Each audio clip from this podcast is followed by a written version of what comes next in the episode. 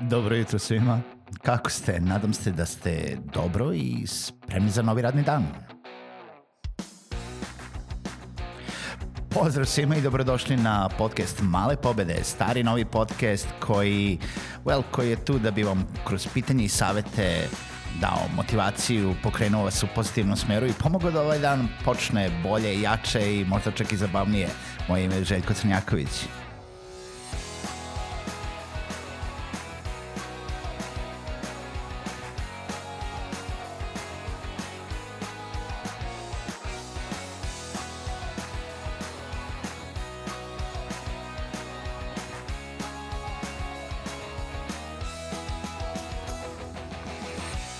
Pozdrav svima, dobro jutro i dobrodošli u novi podcast Male pobede. Moje ime je Željko Crnjaković, kao što je uvod rekao, a vam, dragi slušalci, želim da se zahvalim što ste i ovu epizodu uh, sa podcastom Male pobede, nebitno da li je slušate ujutru, uveče, uh, taj dan kad je izašla ili bilo koji drugi dan. Želim da vas pozovem da posjetite sajt malepobede.rs, da se prijavite na newsletter ili da se prijavite na bilo koje mobilnoj platformi koju koristite na vašem mobilnom uređaju i pretržite Male pobede podcast, prijavite se i dobijete notifikacije svako jutro, svaki radni dan od 8 sati. Pišite mi na željkotmalepobede.rs, pitajte me komentari, predlozi, teme i sve ostalo što vas zanima.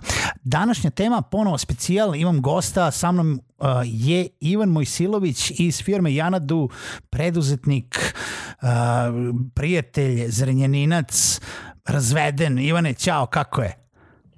Ćao, evo nije loše. Hvala na pozivu. Molim lepo, ovaj, Ivane, kako, te, kako, kako provodiš samoizolaciju? Jesi još uvek u samoizolaciji ili si krenuo malo napolje? Pa krenuo sam malo napolje, bio sam u izolaciji od 6. marta, pa manje više sve do, do prošle nedelje. A, dobro je. E, Ivana sam pozvao u epizodu zato što, pored toga što a, je već dugogodišnji preduzetnik, a, ujedno njegova firma Janadu a, se bavi jednim digitalnim servisom, digitalnim alatom koji pospešuje produktivnost. Ali ajde o Janadu ćemo možda na samom kraju. E, Ivane, koliko je bitna produktivnost za tebe kao, kao preduzetnika?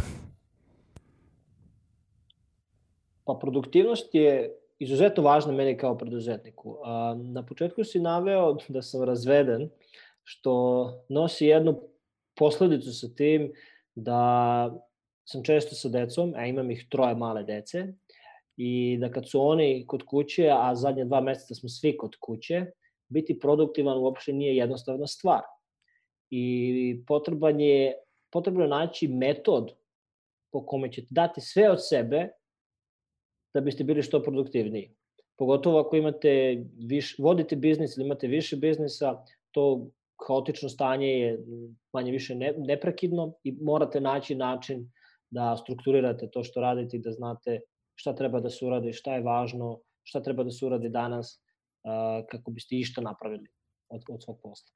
A kaže mi ono, u principu ljudi kad pominju produktivnost, tu sad navode se milion različitih tehnika, pa sad ova je bolja od jedne, druge imaš pomodoro tehniku, pa ne znam, ono tipa onaj e, rezervaciju vremena, pa ne znam, pravite plan, pa segmentirajte dan, pa ono hitno, bitno, um, nebitno da li imaš nešto što misliš da radi bolje nego drugo ili misliš da zavisi od osobe do osobe pa neko mora da prođe kroz sve zato da bi našao šta je njemu bitno ili je možda do nekoga što neki ljudi kažu sa, samo radi i kad utrošiš dovoljno znaš, ono, sati onda jel da, u nekom momentu ćeš postati produktivan Pa u nekom momentu kad utrošiš jako puno sati možeš samo da crkneš. A, Ajde da se zadržimo na priču o produktivnosti za preduzetnike, pošto biti preduzetnik i biti recimo pro, zaposlen kao programer nije isto. Uh mhm. -huh. I vi zaposlen kao programer, vi možete da radite te Pomodoro tehnike, možete da ne, određeno vreme odredite u toku dana šta ćete kada radite i da vas niko ne prekida u tome. Međutim, ako ste preduzetnik, to je, to je uređeno, uređena entropija, uređena house non stop i vi kao preduzetnik uglavnom rešavate probleme svaki dan i dok to rešavate, tekuće stvari koje treba da odradite, ne stignete da odradite. Zaboravite ih, stavite ih sa strane, pa vas sačekaju kasnije kada je već kasno i tako dalje. zato bih se zadržao na, na metode, metodu produktivnosti za preduzetnike. Dobro, koje su metode produktivnosti za preduzetnike? Je li to ono kao Brian Tracy kada ono kaže pojedi uh, ono najveću žabu ujutru, da skreni, skloni najveći problem sa stola pa onda budi otvoren za sve ostalo? E, ta, takvi detalji već zavise od osobe do osobe. Ja recimo ne volim da jedem velike žabe na početku, ja volim popim kafu. skroz legitimno. Skroz legitimno, mislim da bi žaba skliznula bolje, uvek je bolje uz kaficu ili rakiju ili nešto drugo. Evo, da, ispričat ću posle kako dođem do toga, ali recimo da, da, da se objasnim šta to znači to kafa. Znači, ne volim da odmah dobijem najveći mogući problem. Ja sam bivši sportista, a i sad sam, ajde kažem, sportista sam u, u, u srednjim godinama. A, da li ti kad ideš na neki sport, o, recimo na košarku, izađeš na teren, nađeš najvećeg dripca od 2 metra i lupiš mu bananu. Pa ne baš, pošto ne možeš da skočiš da mu lupiš bananu, ne možeš ništa, prvo se malo zagreješ. E, kad se zagreješ, onda možeš da izađeš na Megdan njemu i da nešto napraviš. E, tako i sa poslom u mom slučaju. Ja prvo odradim nekoliko jednostavnijih stvari.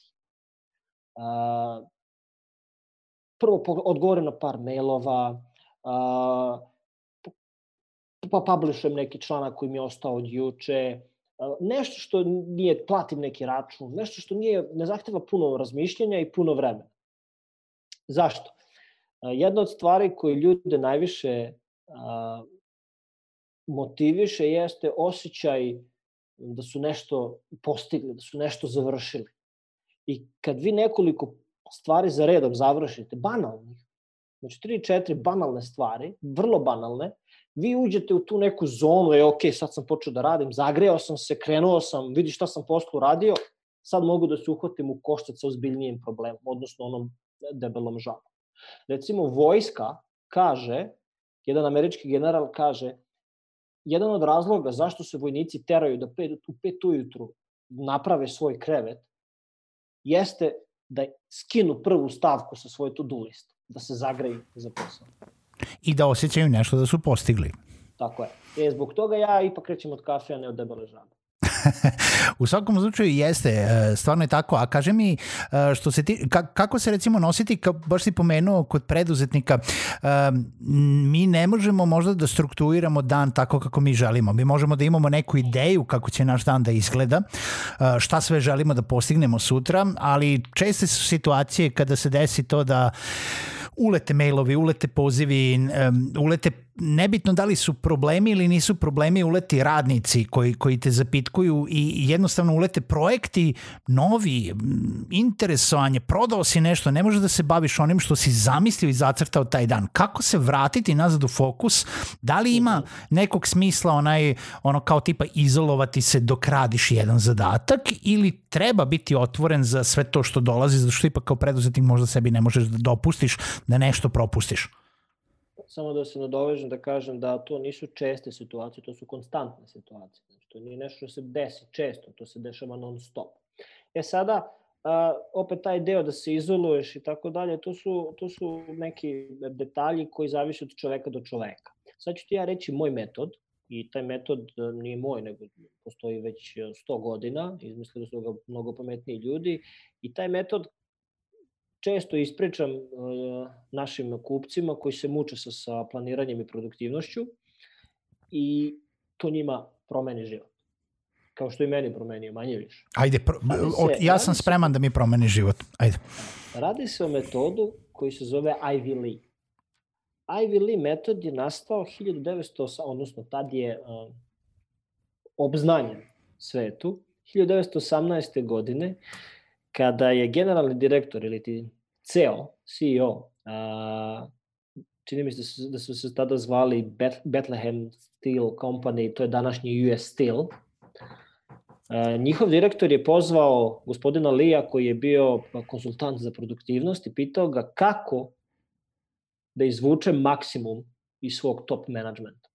Kako da ih nateram da rade, kako da, da to ima smisla, pošto imam osjećaj da svi zujimo u krug i da nekako mi završavamo te poslove, ali nisam zadovoljan tempom i strukturom kako, kako to funkcioniše.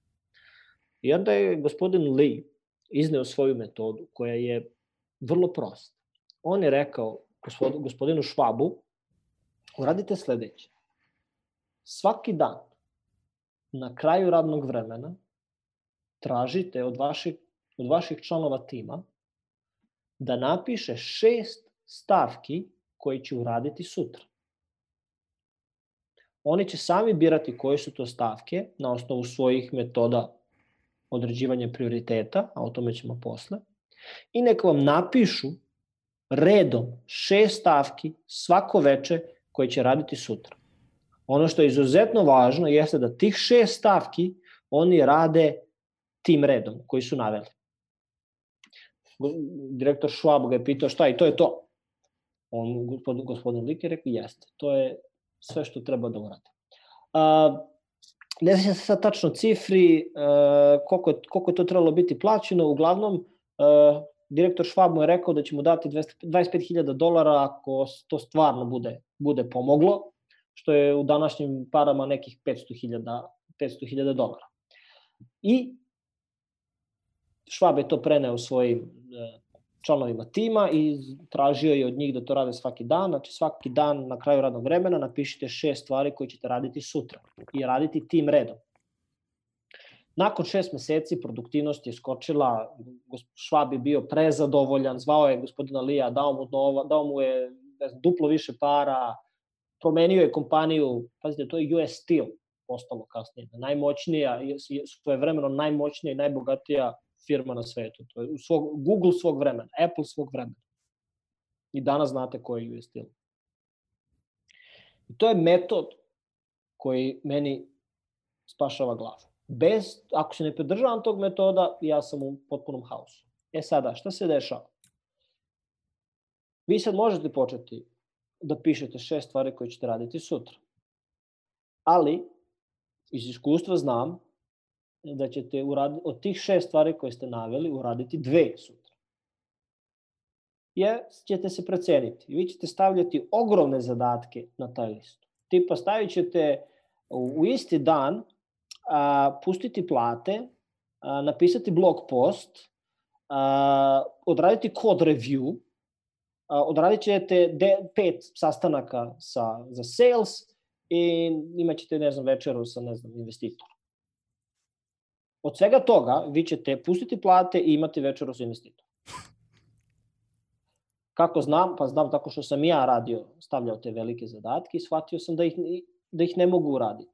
I onda šta se dešava? S vremenom vi te zadatke uh, razlažete u manje. I onda kažeš, ok, pustit ću plate, uh, neću publishovati blog post, nego ću... Smisliti naslov.